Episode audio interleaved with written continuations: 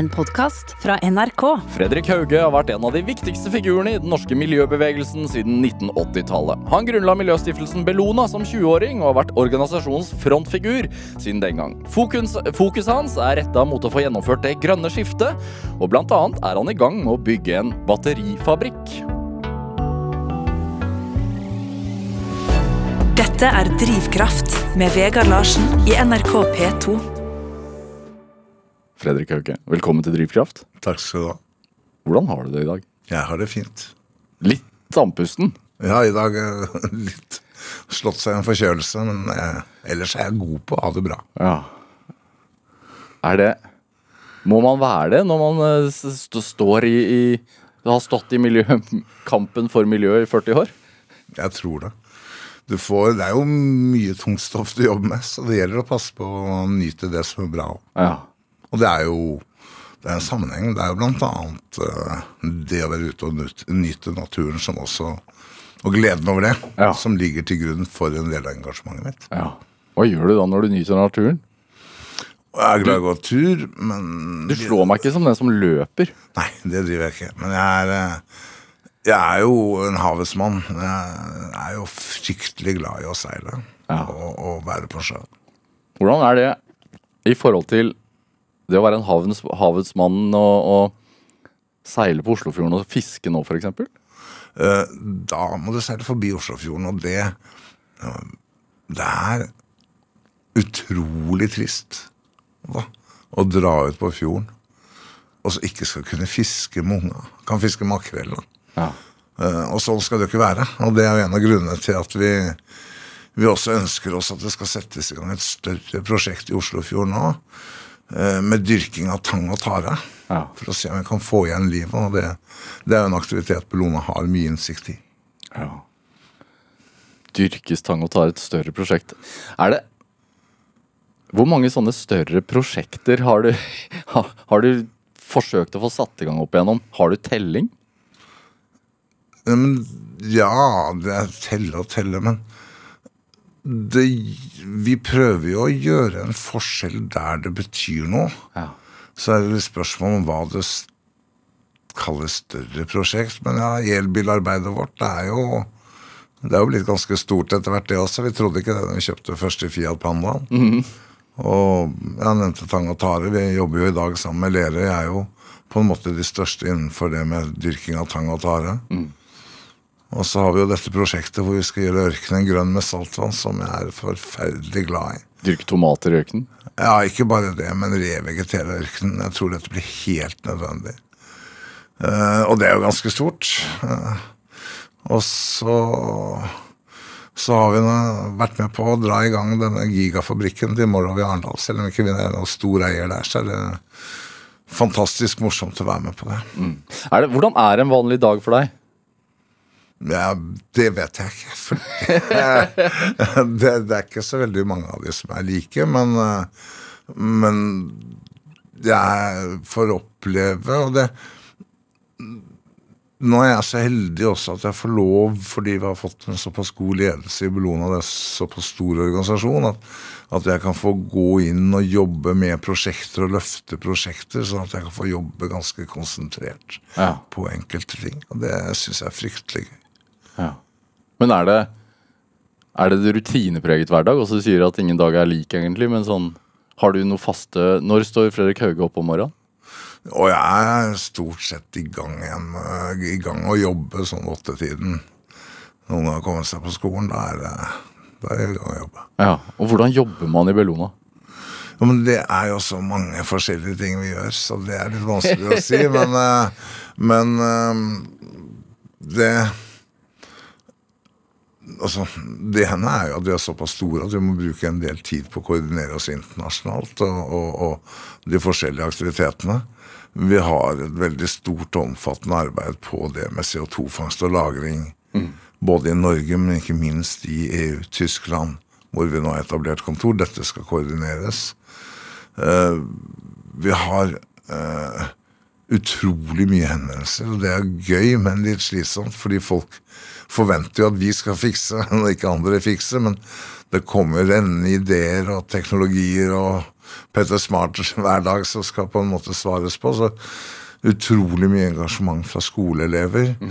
Alt dette har vi jo systemer, men det skal jo også på en måte passes på at vi, vi holder en standard og høy kvalitet på det faglige arbeidet vi gjennomfører. Men er det uh, Er det lobbyisme? Er det en del av, uh, av virksomheten i dag? Nei, jeg opplever Nei, jeg gjør ikke det fordi jeg tror vi i Bellona er veldig opptatt av å kunne skifte standpunkt hvis det kommer ny informasjon. Mm. Men For eksempel? Nei, men um, Miljøkampen er ikke svart-hvitt. Det er utrolig mange dilemmaer. Jeg tror kanskje vi må være åpne om det. Mm. Så det høres altså, Og vi er jo for å bygge ut offshore vind, vi. Men du verden hvor mye kobber det går med. Ikke sant? Kommer det nye andre alternativer som er bedre, så er det kanskje også andre løsninger vi jobber for. Jeg tror, tror det må man tørre å være åpen på, og egentlig søke den nysgjerrigheten hele tiden. Så når du spør om det med lobbyisme Ja, vi har et stort og omfattende samarbeidsprogram med næringslivet. Uh, før så var det enkelt. Da kunne vi alt om miljø, mm -hmm. og de kunne næringsliv. Uh, i dag er det mye viktigere for oss å samarbeide, for det er enormt masse kompetanse i disse bedriftene. Både teknologisk, men aller mest hvilke virkemidler er det som virker? Mm. Og hvis vi og industrien kan bli enige om det, så er det litt lettere å gå til politikerne. For vi vet hva for svar vi får fra politikerne. da. Det er avgifter, og så er det avgifter, og så er det avgifter. Følte, altså Tenkte du at uh, det var mer svart-hvitt før? Det var jo det på en måte, fordi du kunne brekke deg inn på en fabrikk og grave opp en tønne og si fy. Ikke sant? Men det er veldig lett å peke på problemet, og det er kanskje en av de tingene jeg er mest stolt av. det er vi ble jo kjent som skal vi si, bråkmakere, aksjonister mm. osv. Men når jeg ser i dag hva for faglig miljø eh, Fordi jo farligere den tønna du graver opp, er, mm. jo vanskeligere er det å si hva som bør skje med den. Uh, og det at vi har klart å bygge opp ja, fra, altså Vi bruker mye slagord internasjonalt. From pollution to solution. Mm. Uh, tror jeg er veldig viktig, ellers hadde vi stått på stedet hvil. Det er en helt annen miljødebatt nå enn når vi startet. Mm. Føler du at du har vært en pådriver for den miljødebatten? Ja, det, ingenting er som selvskryt, går fra hjertet. Men eh, det ville vært dumt å si noe annet og tenke noe annet etter å ha brukt så mye tid. Og jeg tror på noen områder så har eh, Bellona provosert også miljøbevegelsen. Mm. Eh, men når vi startet, så gjorde vi kanskje mye av dette om fra en naturvernkamp, som i seg selv er viktig, mm. til en miljøkamp. Eh, forurensningsperspektivet var veldig lite inne i miljødebatten når vi startet. Miljøkriminalitet Bellona er ført opp som de som oppfant de norsk språkregister, eller hva det heter. Altså, det var ikke fokus på de tingene før vi tok av i det. Og, og, og det samme egentlig også når vi startet arbeidet vårt i, i Sovjetunionen. Det, Folk rista jo på huet av oss når vi sa nei, vi skal inn og rydde opp. rydde opp i atomavfallet etter den kalde krigen. Mm. Og det har også vært litt av en reise. Er det, Sånn du ser det i dag, fins det en dum form for miljøkamp i dag? Ja. Hva er det? Uh, nei, jeg tror i hvert fall vi må passe oss veldig fordi um, Når vi er ute og snakker f.eks. med ungdom, så har miljøbevegelsen også skal vi si, venstresida en sånn tradisjonell, ofte litt sånn moralistisk pekefinger. Ikke sant? Vi står der og skal fortelle hva skal du mene? Hva skal du gjøre? Ungdom i dag de vet at dette er reelt, og de har ganske god innsikt i det. Eh, så vi trenger ikke den dommedags altså profetiene. Vi trenger å fortelle dem hva de kan gjøre, ut fra sine forutsetninger. Og når du får en miljøbevegelse som også er imot en del av løsningene, så blir det jo veldig vanskelig å tro på at dette går. Og kanskje den største trusselen er jo apati. Altså det at ikke vi tror vi kan gjøre en forskjell. Så, så det er en del. Jeg, jeg ser det er en debatt om Extinction Rebellion nå. Og jeg kan jo forstå deres frustrasjon, det er ikke det. Men den måten å aksjonere på som de gjør, er jo ikke Altså, det er jo ikke det vi har stått for. Vi har jobbet faglig med alle muligheter. Og går liksom ikke og trasher andre folks kirke, eh, kirkebesøk eller dåper osv. Det tror jeg bare skaper avsky. Men kanskje det viktigste er, syns jeg, at de har heller aldri tatt, tatt og forklart hva de mener med dette borgerrådet. altså at man man setter det ikke innenfor vanlig kontekst i hva demokratiets grunnpilarer er. Og i demokratiet så er det lov å gjøre sivil ulydighet. Det er en sikkerhetsventil. Men, men du skal på en måte, syns jeg, lage dine egne arenaer og ikke ødelegges andres. Ja, Nå er det jo ingen, ingen derfra her da, for, for å gå, Nei, men, gå inn i debatten men, der. men, men de har fått betydelig plass i media. Og det er lite nytt annet enn ungdommers frustrasjon. Men kan du ikke kjenne deg igjen i det? Ja, men jeg synes eh, 20 år, 20 år gamle Fredrik Hauge, ville ikke han også gjort det samme? Når vi startet å aksjonere når vi var 20 år, så tror jeg vi skrev over 70 spørsmål til Miljødirektoratet i Titania-saken. Vi avslørte saksbehandlingsfeil som gjorde at det måtte opprettes en ekspertgruppe. Vi jobbet dypt faglig med de spørsmålene før vi aksjonerte. Og som jeg sa, ja, jeg kan ha en viss forståelse for, for frustrasjon, men vi må ikke glemme at vi skal ha folk med oss. Nei. Er, hva, hva hvis jeg stiller spørsmålet annerledes? da? Hva, hva, eller på snur det rundt. Hva, hva vil du si er, den, er smart miljøkamp? Den flytter seg. nei, men, nei, men det mener jeg fordi eh, bare den endringen som har vært etter at Parisavtalen ble skrevet under, er veldig stor. Det gjøres jo ikke nok, sies det. Nei, men det gjøres ikke. Det går for treigt. Ja, ja, det er helt riktig. Men likevel, så, så når vi startet, så var det noe om å gjøre å få oppmerksomhet om disse problemene. Nå gjelder det å finne løsninger. Eh, og man kan på en måte kreve at oljefondet kun skal investere i grønt, ikke sant? Ja. Men det er jo ikke nok investeringsobjekter til å kreve det. Så du må lage de nye investeringsobjektene før du krever det.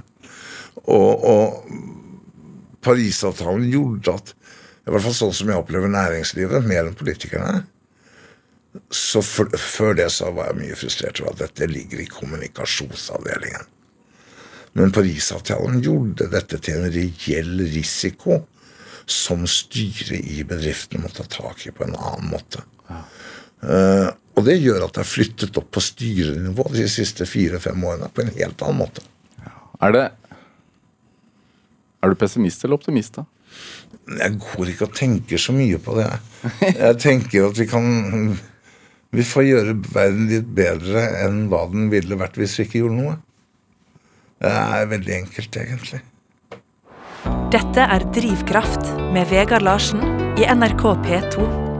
Og i dag er leder for Miljøstiftelsen Bellona, Fredrik Hauge, her hos meg i Drivkraft på NRK P2. Hvor er du fra? Nei, jeg er fra jorda, holdt jeg på å si. Nei, jeg er født eh, på, på Jessheim på Og så Min far jobbet i Forsvaret. Ja, Som hva? Du, han var så heldig at han fikk betalt utdannelsen sin på MIT for å få jobbe med innkjøp av jagerfly eh, for Forsvaret i Norge. Så det gjorde han i noen år. Og så flyttet vi til Sverige. Der var vel til jeg var ti. Hvor? Eh, Eskilstuna. Eh, og så flytta vi til Sandefjord. eh, hvor jeg da hadde mine barne- og ungdomsår i en usedvanlig sterkt konservativ eh, by. Eh, lagde Natur og Ungdom og, og flytta jo inn til Oslo da når jeg var 17. Og Var familien konservativ? jeg kommer jo fra et møblert hjem, ja. Ja, Hva vil det si? Nei, ikke konservativ, men, men ja, jeg på en måte hadde en far som jobbet hardt, og, og vi hadde ok hus og bodde i nærheten av sjøen. Jeg hadde en god, god og fin oppvekst sånn sett. Det var ikke noe, noe raddis hjemme med lilla skjerf og fotformsko. Ja. Hva gjorde moren din? da? Nei, hun eh, var førskolelærer, men var opptatt av å passe på familien. da. Så jeg vokste jo opp uten TV, for eksempel, fordi vi skulle lese og sånne ting.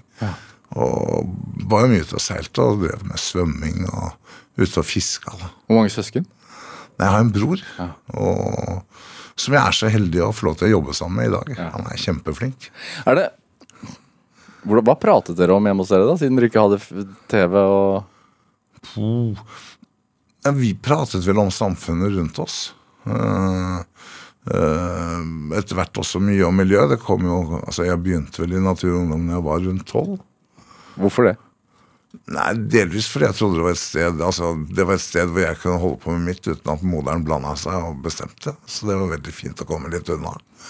Eh, Men også fordi det var et alternativt miljø som, som var nysgjerrig. Som, men, men det er klart at den gangen så var det veldig mye feltbiologi. og Kvekk, kvekk, mitt vannhull var vekk, og de løp rundt og fanga sommerfugler og satte de på nåler og ting. altså så det var ikke den politiske organisasjonen som Naturungdom har blitt i dag. Nei. Hvor radikal var du, da? Du, jeg tror, det tror jeg, altså, radikal, Jeg er radikal i forhold til miljøsaker, men jeg er ikke en veldig radikal person hvis du setter i den tradisjonelle høyre-venstre-konteksten i det hele tatt. Nei. Men det å sånn melde seg inn i Natur og Ungdom på da 70-tallet, da? Ja. Det var noen grunner. vet du. Vi hadde hatt, vi hadde hatt den store oljeulykken med Bravo. Og du hadde Alta-saken som eh, kom på agendaen 78-79. Hvordan fikk du inn dette her, da? Var gjennom radio og aviser, da? Ja, avisene og radioen, ja. Hørte mye på radio. Ja. Hvorfor, hvorfor traff det deg, da? Nei, men det er vel også noe med at hvis du er ute og fisker om morgenen, eh, og det driver i land masse død eh, oljeskada sjøfugl Altså, det er noe med den, den nærheten jeg har hatt til naturen og vært så heldig å vokse opp med, da, som gjør at man kanskje også blir ekstra engasjert i et sånt tema. Og så etter hvert så var vel en del av engasjementet mitt også at jeg syns jo at den tradisjonelle naturvernbevegelsen var usedvanlig kjedelig og lite effektiv. da. Når du begynte å føle på det som 15-åring, liksom? Eller? Ja, men du vet, det var jo Det var jo mye nikkers med slirekniv og utrolig flotte folk eh, med stor naturglede, og som har gjort mye. Men det var på tide å ta miljøkampen over i et nytt spor. Ja, hva, hva, hva, hva Skape mer uh, F, holdt jeg på å si. Ja, det kan du si, men eh, i den tradisjonelle eh, tenkingen i miljøsaken, så har man vel egentlig ikke satt seg ned og regnet helt på regnestykkene. Altså, vi trenger, trenger utrolig mye aluminium til alle de rammene, til alle de solcellene. Vi trenger utrolig mye stål til alle de vindmøllene. Vi er faktisk nødt til å industrialisere en del av de miljøløsningene, og det, det har det jo ikke vært tradisjonelt sett så veldig stort gehør for. Hva, hva visste man om, om uh, miljøvern og, og klimakamp på, på 70-tallet? Nei, altså, klimakamp var jo ikke noe man snakket veldig mye om. Uh, Det var eh, Altså, naturvernsaken var jo veldig preget av Alta på slutten av 70-tallet. Og så var det kanskje spesielt forurensningen i, i Porsgrunns grenlandsområde og Odda. Ja. eh, Som det var noe nasjonalt fokus om. Lokale hendelser, da, som, oss- som man Før vi kom der med spadene våre og klippet over hengelåsen og gravde opp avfallet rundt omkring, så var det ikke så mye fokus på det. Hvor fikk du din kunnskap fra i forhold til disse tingene? da? Du, de, vi var en pest og en plage, vet du. Så vi bodde jo på annet det som er Miljødirektoratets kopimaskinrom. For det var ikke sånn offentlig innsyn i i e-poster den gangen. Og det lå jo mye informasjon ikke sant, om alvorlig kriminalitet i disse offentlige arkivene, som det bare ikke var kapasitet til å ta seg av. Og så når vi først begynte å aksjonere, så var det jo veldig mye sånn ja, men Ta ikke meg, ta ikke meg. Han eh, der borte i gata der, han har gravd ned mye mer enn meg. Ikke sant? Så at vi ble jo tipsa landet igjennom. Og det, det lagde jo en enorm oppmerksomhet. Og uh, ja, som jeg sier, det var også etter Altså fra 86, da når vi startet Bellona, til 89, da var det sånn slags verdensmesterskap i miljøhyling i Norge. Da skulle politiske partiene ut og kutte CO2-utslippene med 50% innen år 2000. og og så sa jeg at det tror jeg ikke er så veldig lett, og da fikk jeg masse kjeft igjen fra de andre i miljøbevegelsen. Du, hvordan var du på skolen? Jeg oppførte meg stort sett grei. greit. tror jeg. Ja. Slutta? Ja. Det ble jo kjedelig. Hvorfor det? Nei, det som skjedde, var vel egentlig at vi da, det var vel i 83, så hadde miljøbevegelsen tapt alt av saken. Eh, og delvis så var miljøbevegelsen kuppa av masse sånn det vi i dag kaller rødt-folk, men den gangen så var det sånn AKP-ML-ere et problem. De prøvde å kuppe alt som var kult. Eh, så vi var veldig opptatt av at miljøbevegelsen trengte en seier. Og plukket da ut Titania-saken nede på Sør-Vestlandet, hvor man hadde fylt opp en fjord med avfall og skulle dumpe dette avfallet lenger ut i havet, der hvor silda gyter. Um,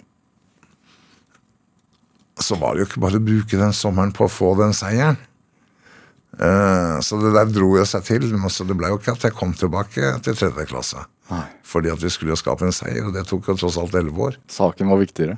Ja, vi, vi opplevde vel det som meningsfylt, og at her var det mye ugjort, ja. Og så var Du kommer jo i kontakt med mennesker som er noen ganger i ferd med å få livsgrunnlaget sitt revet vekk, da, som disse fiskerne her. Som skulle få alt dette avfallet på, på noen av de mest verdifulle fiskeområdene vi har i Sør-Norge. Hvordan kom du i kontakt med dem? Var det å reise dit? Eller? Nei, men du vet igjen, da. Hvis, hvis jeg bor på hotell, så er det ingen som kommer og banker på døra. Men i og med at Bellona alltid har vært opptatt av å være ute i felten, besøke bedriftene, ikke bare sitte og lese rapportene.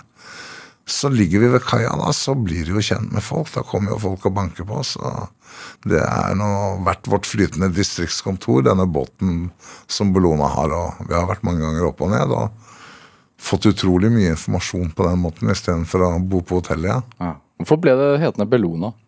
Oh, um, vi trengte et navn. ja. Og så skulle det helst ikke ha noe med grønt eller miljø. Og så begynte vi å lese på A i leksikon. Når, Hvorfor, hvorfor skulle de ikke ha noe med grønt og miljø å gjøre? ja, men det var så kjedelig. så kom vi til B, og da fant vi denne romerske krigsgudinna som var streng, men rettferdig. eh, Og kjent for sine gode fester. og da gadd vi ikke å lese mer i leksikon, så da blei det Bellona. Ja.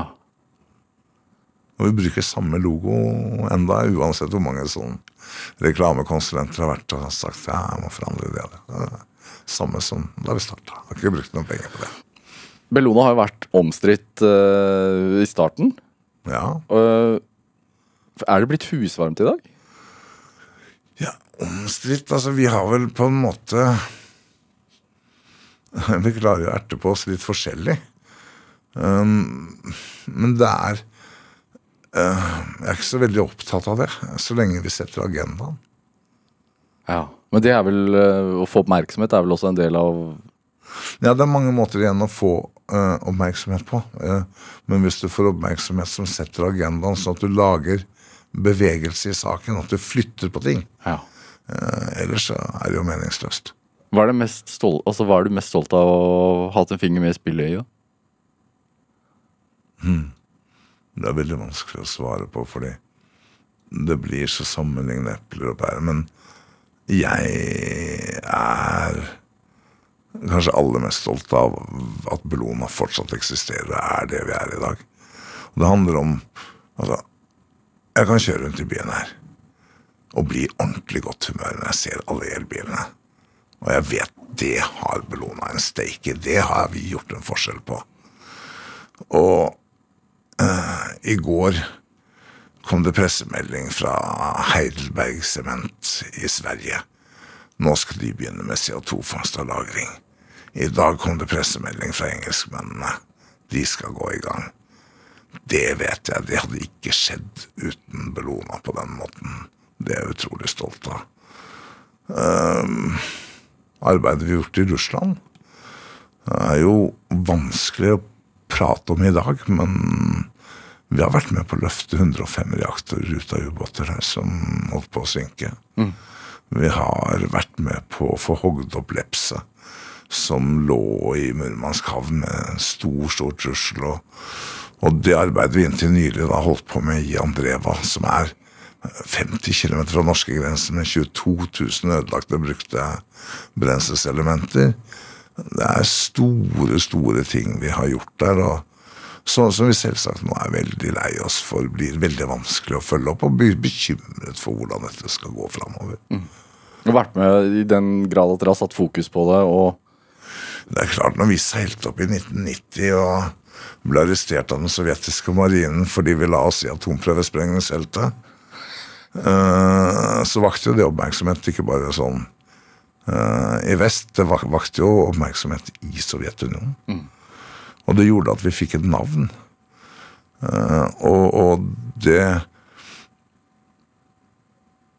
Det var, må jeg si, et stort privilegium. Altså, jeg føler jo vi var med på å bidra til Glasnost. Ikke sant? Den gangen i nordområdene med det vi gjorde. Og samtidig så har vi da hatt disse store rettssakene mot oss, mot Nikitin, og mm. ting som på en måte Uh, når du sitter og har en medarbeider som risikerer dødsstraff, så sovner du med det, og du våkner med det i mange år. Ja. Når han ble fri, hva følte du da? Um, ja, den dagen i byretten For han ble fri på en måte flere ganger, og så var han ikke fri. Ja. Uh, for det var 17 rettssaker. Men Kort oppsummert, hva handlet saken om? Nei, Han ble jo tiltalt for spionasje med hemmelige lover. Mm for det arbeidet han hadde gjort for oss. Ehm, så jeg traff han Altså, vi leide to atomisbrytere i 94 når det var EU-avstemning. Og fløy opp EUs eh, kommissær for å vise at uh, her trenger vi hjelp. Og, det gjorde vi da med å ha lunsj om bord på den avfallsbåten Lepse, som vi da skudde geigermeteret på i lunsjen. Så kom de første pengene fra EU. Og, Nikitin, som da fortsatt jobber for oss, skulle hjelpe oss med dette til ubåtkaptein. Og, og, vi brukte da seks år på å få han fri igjen. Han satt jo inne i en del av den tiden. Mm.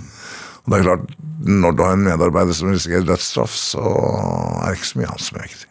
Har du hele tiden tenkt at hvis man skal få til noe, så må vi utenfor grensene? Ja. Og det, det, mener jeg er ekstremt viktig, for vi bor i et av verdens rikeste land med alle de beste forutsetningene for å kunne gjøre noe på noen områder. Og hvis ikke det vi holder på med i Bellona i Norge, kan gi ringvirkninger og, og bli eksempler som skaper presedens, eh, så gjør vi ikke jobben vår. Da får vi ikke maksimert resultatene av det vi gjør. Da blir det jo bare å sitte og holde på for seg sjøl inne på mørkerommet. Fredrik Hauge, vi skal spille litt musikk. Vi skal høre en uh, Raga Rockers-låt fra 89. Uh, Slakt. Hvor, hvorfor har du valgt den? Nei, den er jo Altså, for det første er jeg glad i Raga. Så det, det faller naturlig. Det, det, det, det, skjønner jeg på et vis at du er. Ja. Uh, og vi hadde jo Raga og DumDum og De Lillos og Jokke Brekke som spilte støttekonserter for oss, det var vel 89. Når du hører denne sangen i dag, med den situasjonen vi har i Europa, så er den like aktuell.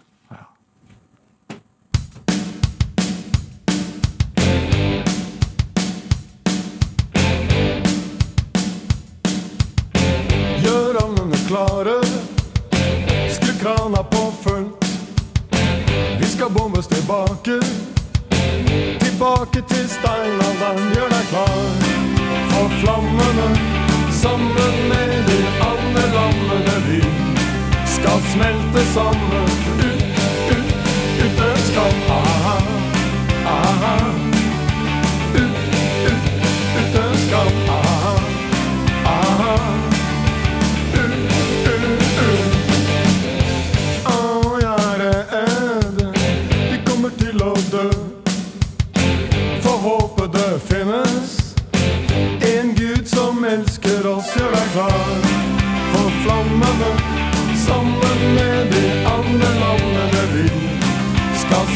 smelte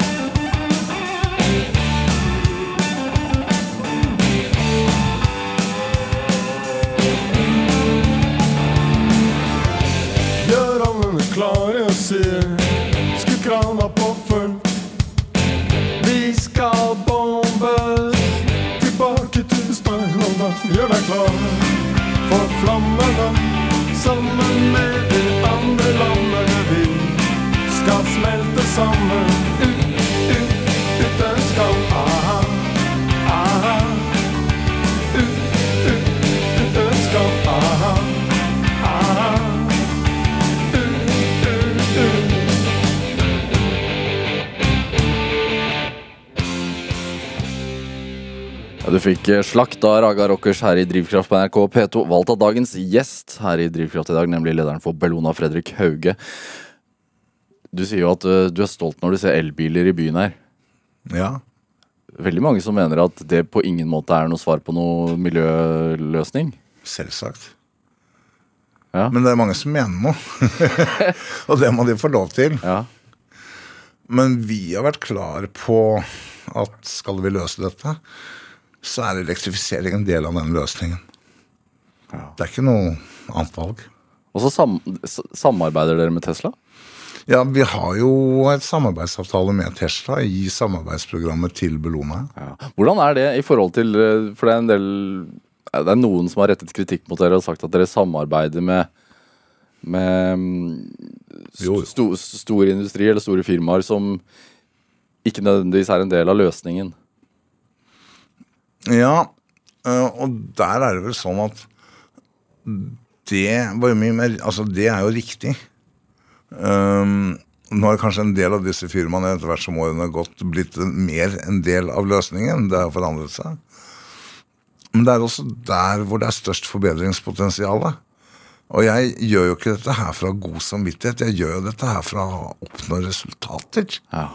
Så for meg så handler det om om vi finner en felles plattform til å få gjennomført konkrete eh, eksempler og saker. Og ja, masse folk som kritiserte oss for samarbeidet med Tesla, men eh, jeg vet hva vi har lært. Jeg vet hva, hva det selskapet har gjort når det gjelder å skalere opp ting.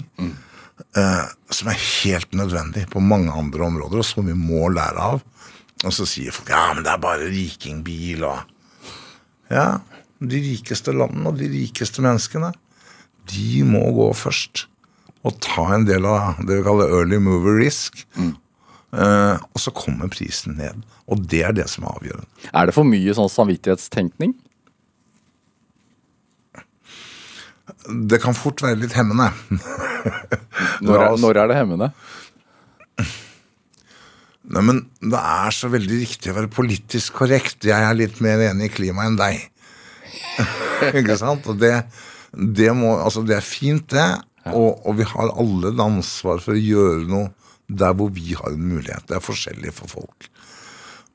Men vi må sette oss ned og la matematikken styre litt. Det er noen tall uti der. Vi har en annen diskusjon hvor vi krangler mye med resten av miljøbevegelsen. Og det er på dette med CO2-fangst og -lagring. Hvor ikke så mye i Norge, der har vi en ganske god enighet. Men, men i Europa så er vi kontroversielle. Vi har etablert kontor i Berlin. Det er kontroversielt. Hvorfor er det det? Det har jeg også lurt på, men man sier ja, det kan forlenge fossilalderen, sier han. Men jeg driter jo i det, så lenge ikke fossilalderen forurenser. Det er forurensning som er problemet. Og så er det matematikken igjen. 140 000 terawattimer er verdens globale energiproduksjon i dag. Det er 18 000 av det som ikke er fossilt. Så hvis vi skal gjøre noe med dette her, så er vi nødt til å Nei, Da blir det litt bråk, da, hvis jeg går ut og sier at en miljøorganisasjon ikke tar klima på alvor fordi de er imot CO2-fangst og -lagring. Da kommer det mye sinte mail. Ja. Hva med hva skal man si, rasering av naturområder for å bygge Det er kjempevanskelig. Og jeg var jo ute og sa det før valget, at eh, dette blir en av våre store dilemmaer. Uh, og det er ikke svart-hvitt, og vi må være åpne på Altså, når De Grønne eh, vil ha 30 TWh med havvind, så krever det Altså terawattimer, terawattimer, Ja. så krever det omtrent 150 000 tonn med kobber. Ikke sant? Energien er fornybar, men energisystemet er jo ikke fornybart.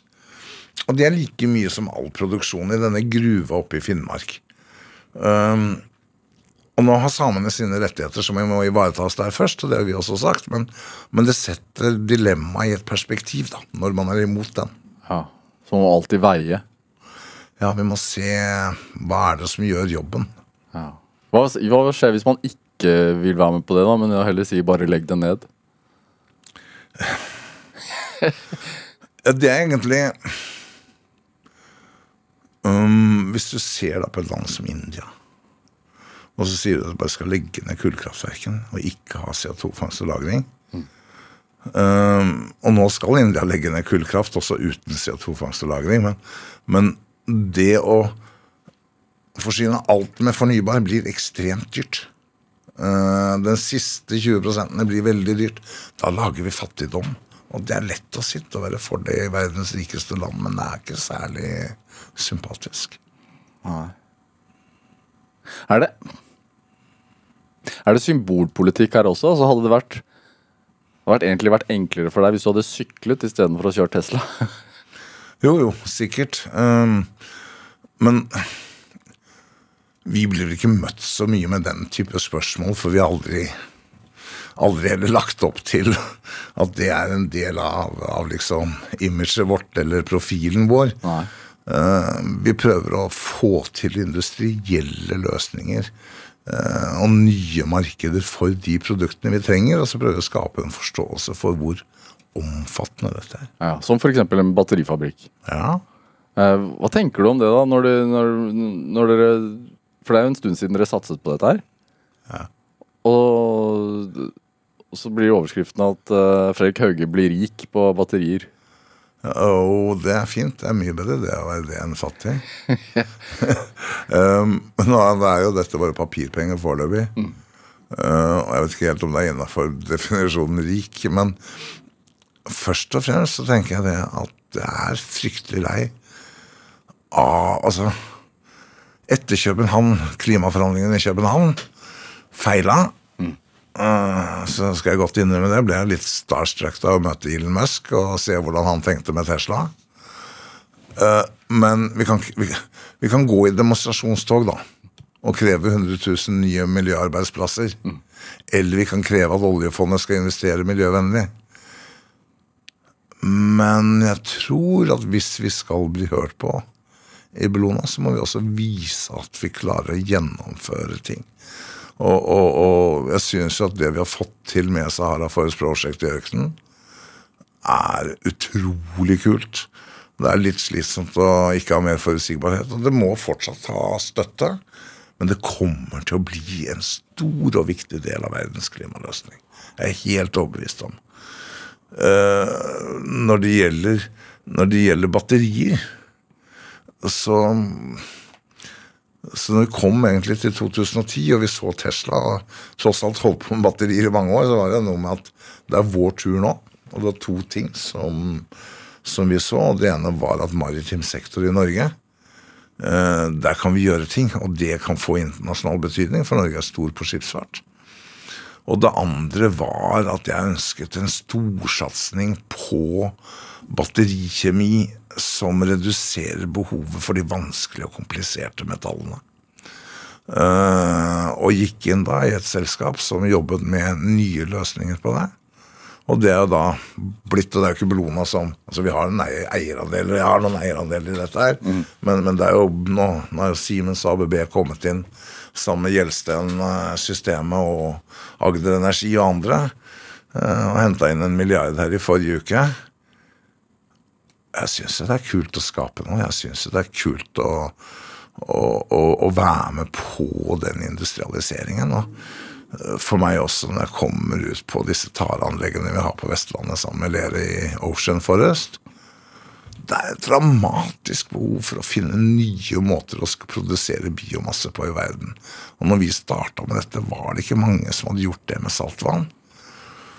Eh, Det er inspirerende å se at dette her virker. Det vi har. Men det tar tid. Det tar tid å lage industri. Det er ikke å lage en sånn app.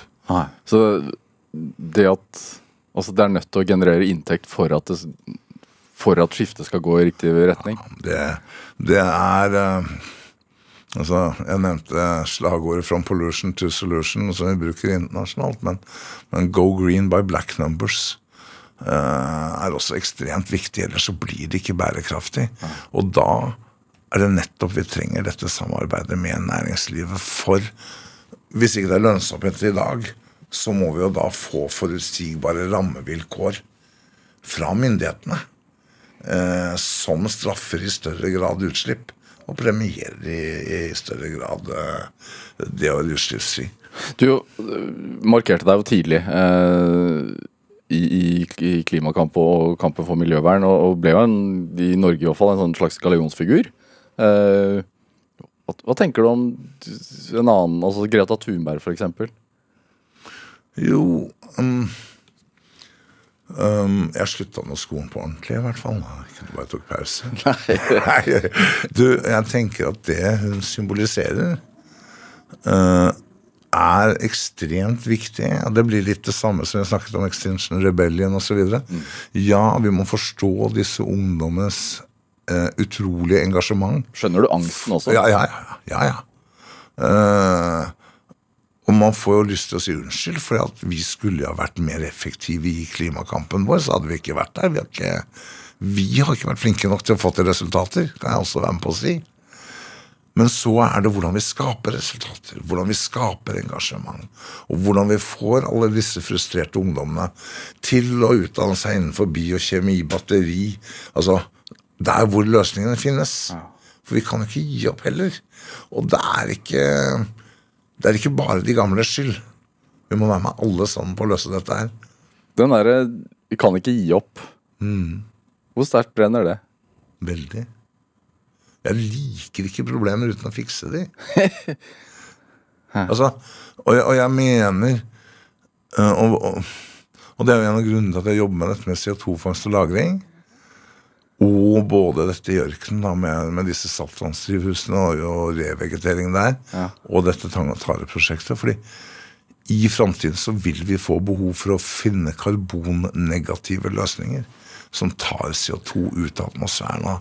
Og dette er dyrt. Og det må ikke bli noen unnskyldning for ikke å stoppe de utslippene vi kan nå. Eh, men nei, vi kan fikse deler av dette her. Ikke alt, men vi kan gjøre stor forskjell. Er, det, er det sånn ellers i livet også, det, hvis man ser på helt andre ting? Altså problemløsningsorientert? Ja, det er nyttig. Altså, hvis du er ute og seiler, og noe går gærent, så kommer du deg ikke videre hvis du bare sitter og kikker på problemet. Du må gjøre noe med det. Når har det gått skikkelig gærent da, ute i båten? Oh, jeg har brent en båt. eh, brent, det brent en båt? Ja, det er lenge siden. Da var det faktisk artikler i russisk media hvor de gratulerte eh, om vellykket utenlandsoperasjon til KGB, men det var, det var en ulykke. Eh, nei, altså har du vært ute, så har du opplevd ting, men jeg har vært ganske lykkelig forskåna for de aller verste ulykkene. Jeg har jo vært med på litt. Ja. Hva skjer på havet da? Altså sånn inni, inni deg? Du, det mm, bestemmer stort sett havet, ikke jeg. Er det, Du må- du er, er, er, det, er det det som er det befriende med det? Det er helt åpenbart uh, en leksjon i ydmykhet en gang imellom, det å være på havet. det kan jo jeg trenge. Det var godt, var godt du sa det sjøl, si. Litt selvinnsikt. vet du. Ja. Nei, men- nei, men det er det. Du, du um, Jeg tror du aldri er ferdig utlært, utlært og det fascinerer meg. På, på havet og, og i livet? Nei, det blir jo ikke det. Nei. Er, har, du, har du klart å overføre miljøengasjementet til egne barn? Ja, det håper jeg da. Men, men ikke um, Ikke med pekefingeren, ikke med moralen, men at jeg håper at jeg oppdrar de som selvstendig tenkende individer som absolutt må tørre å være uenig med faren sin òg. Ja. Hva er det som er så farlig med moral? Um, jeg vil ikke at de skal ende opp med å ha meninger for at noen har fortalt dem at det er riktig. Jeg vil at de skal ende opp med å ha meninger fordi de har funnet ut at det er riktig. Moral er ikke noe gæren med. Men moralisme og, og denne Altså øh, øh, Folk har forskjellige forutsetninger til å gjøre noe med miljøsaken. Så jeg svarer aldri sånn ja, hva skal, folk, hva skal folk gjøre for miljøet? For noen så bidrar faktisk også de til miljøet med at de er trener for småpikelaget i fotball. Og det er det de får gjort i den livssituasjonen de er i. Og det er ikke noe dårligere det enn en direktør som kan ta noen beslutninger. Og, så, så, så jeg er veldig opptatt av at det der skal man ikke sette seg over.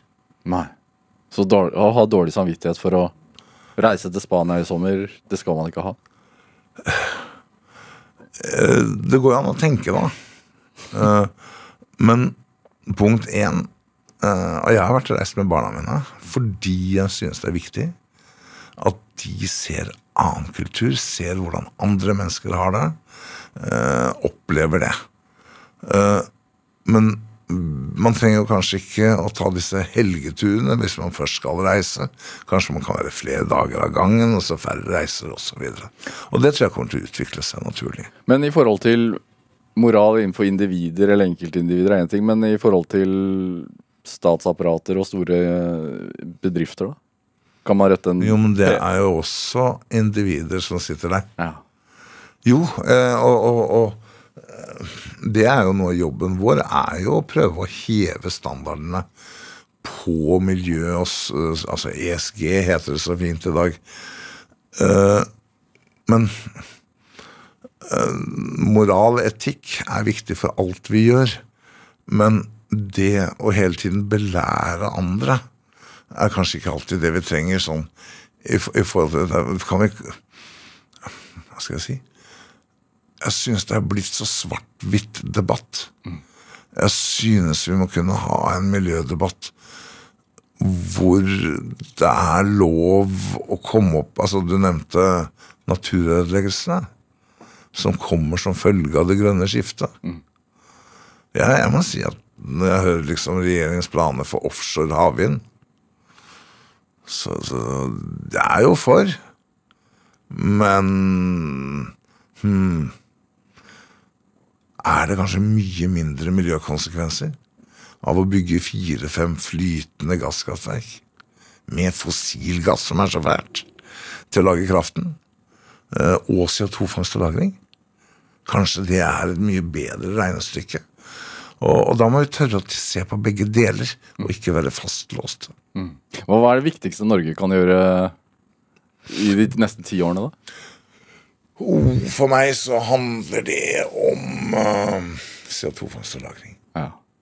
Det er um, Det er på mange måter den teknologien vi virkelig mangler i verden, skal skaleres opp. Sam, sammen med også, som jeg sier, nye måter å produsere biomasse på. Og Norge har noen helt spesielle muligheter for å gjøre dette. Er det øh, Når dette har vært mantraet ditt i så mange år, blir du sliten av det? Ja, jeg kan bli litt lei noen ganger, men eh, det er en ny dag i morgen, så er jo Når, når blir du lei, da?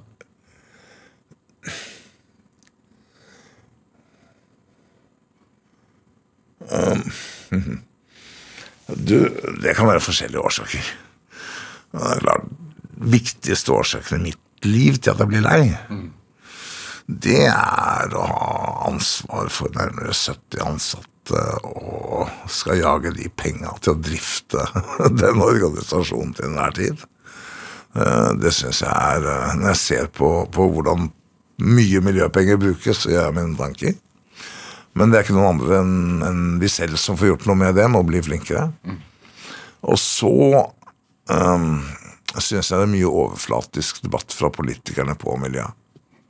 Um, Um, men, men det Jeg har aldri hatt så veldig store forventninger, kanskje, så jeg blir ikke så skuffa. Hva gjør du når du Altså, hva annet enn aktivisme, tenker jeg, eller, eller engasjementet, miljøengasjementet, er viktig for deg? Nei, familien er ekstremt viktig. Uh, og barna. Eh, så snakker jeg om det med seiling, da. Jeg, det er ikke så mye tid jeg har. Så jeg gjør gjerne det. Men, men eh, også veldig glad i å være sammen med venner i godt lag. og har savna å gå på konserter på byen under pandemien og kunne gjøre sånne ting også. Ja. Ja. Når var du lykkeligst, tenker du da? Var det oppi når du satt i masta på, på Hydro, eller hva? Du På mange måter, vet du, så er jeg jo fantastisk privilegert som har fått lov til å gjøre noe som som føles så meningsfylt uh, som det gjør. Med alle de enkeltpersonene, bedriftene osv. som har bidratt til at Bellona Så jeg har liksom ikke Jeg har ikke lov til å sette meg ned og sutre. Jeg. jeg må egentlig være takknemlig for at jeg har fått lov til å gjøre det jeg gjør. Hvordan er du som leder, egentlig? Oh, det er meg den siste du må spørre om. Nei, Ja, men Du må ha en ledelsesfilosofi. Du jo Jo da. Um, jeg tror jeg egentlig er tilsnakkende. du ler. Men, men, men jeg vet også hva jeg vil, og, og, og har nok vært utfordrende fordi uh, jeg har vært så ekstremt redd for at Bellona skal stivne. Og det har gjort at jeg på en måte Det er klart, ok, det var veldig greit når vi da startet med å brekke oss inn på fabrikken og grave opp tønnene. ikke sant? trygt og godt og var liksom godt satt med det. Og så kommer, vi, kommer jeg og sier nei, nå skal vi reise inn i Sovjetunionen. Nå skal vi grave opp atomavfallet der. Så det er klart, da, da utfordrer du noen i organisasjonen. Og når vi kom da, noen år etterpå, så sier vi nei, nå skal vi begynne å jobbe fullt med CO2-fangst og -lagring. Folk visste jo ikke hva det var. Det var på mange måter vi som oppfant det til at folk ser litt rart på meg her i 2014-2015. Så jeg hm, tror vi skal bygge batterifabrikk. jeg. Ehm, så kan folk kanskje bli litt sliten av det, men det blir resultater av det. Hvorfor er det viktig å ikke stivne, da? Fordi verden rundt oss forandrer seg ekstremt fort. Og hvis vi skal være relevante, så, så må vi tørre eh, å utfordre. Så det er en privat grunn. da, Hvis du har samme jobb i 40 år uten å utfordre deg på å gjøre mye nye, ting, så, så tror jeg ikke du nødvendigvis blir god i jobben. Men, men Du vet det er viktig å ikke få identitetskrise når alle disse selskapene som vi krangla med før, nå sier de er for miljø. Da er det jo viktig å ta dem på, på orda og utfordre de og se hva vi kan få ut av det. Så, så Men ellers så tror jeg det er spør som leder. Jeg håper jeg er rimelig inspirerende. Kanskje noe av det jeg er mest stolt av å lykkes med som leder, er jo når jeg får lov til å være med på dragang noen nye temaer. Enten det har vært Russland eller CO2-fangst og -lagring eller Europakontoret. og øh, Så vokser dette på en måte som gjør at jeg ikke trenger å være involvert daglig. Eh, og du får en gruppe som er selvstendig, og som, som er en egen drivkraft og, og power i dette her. Hvor mye bestemmer du, egentlig? Du vet, Hvis man driver og bestemmer veldig mye, så får du ikke flinke folk til å jobbe rundt deg. Du er nødt til å ha et kollegium. Du er nødt til å å, og, og Vi hadde jo en episode her for hele episode. Det ble ganske mye bråk når vi skiftet litt ledelse i Bellona. 2018. 2018 var det, ja. Såpass lenge siden. Og det, sånne ting er tøft. Men det er også veldig interessant å se når du da sier til rimelig unge mennesker du, Jobben som fagsjef er din. Nå gjør det du mener er best. Og, og vi har fått et utrolig kult og ungt og vitalt team med masse kraft på den måten også. Så jeg, jeg tror at folk kan ha, få veldig mye ansvar inntil de driter seg ut. Og så går det an å drite seg ut, det må vi ikke være så redd for. Men ikke samme ting flere ganger. Sånn Eh, går det åt skogen, tenker du? Eller går det bra til slutt? Nei, Jeg er bekymra. Eh, du snakka om Thunberg. Og, og, og, og den fortvilelsen og den forbannelsen som, som ligger der, den, den kjenner jeg på. Men Øyd, vi, vi kan gjøre ørkenen grønn. Vi kan deponere CO2. Vi kan få himmelen blå og havet klart. Det er liksom mulig, det. Hva er drivkraften da, Fredrik Hauge? Kanskje rett og slett gjøre verden litt bedre i morgen enn hva den hadde vært hvis vi ikke hadde gjort noe. Tusen takk for at du kom hit til Drivkraft. Hør flere samtaler i Drivkraft på nrk.no eller i appen NRK Radio. Send oss gjerne ris og ros og tips til mennesker som du mener har drivkraft. Send den e-posten til drivkraft.krøllalfa.nrk.no. Vi hører veldig gjerne fra deg. Produsent i dag var Ellen Foss Sørensen, og Julia Martincic bidro med research til dette programmet. Dette var Drivkraft. Jeg heter Vegard Larsen. Vi høres. Du har hørt en podkast fra NRK. Hør flere podkaster og din NRK-kanal i appen NRK Radio. Ny podkast fra NRK P3. Jeg heter Silje Nordnes og har hatt kjærlighetssorg. Masse. Ja, du vil snakke om kjærlighetssorg, og hva som skjer når vi har det. ekstremt intens eh, opplevelse. Noe av det mest intense følelsesmessige man kan oppleve som menneske. Jeg skal helt ærlig si at det var fysisk vondt i hjertet. Hvorfor er det så jævlig kjipt? Og kan jeg, og vi alle, få trua på kjærligheten igjen? Kjærlighetssorg hører du først i appen NRK Radio.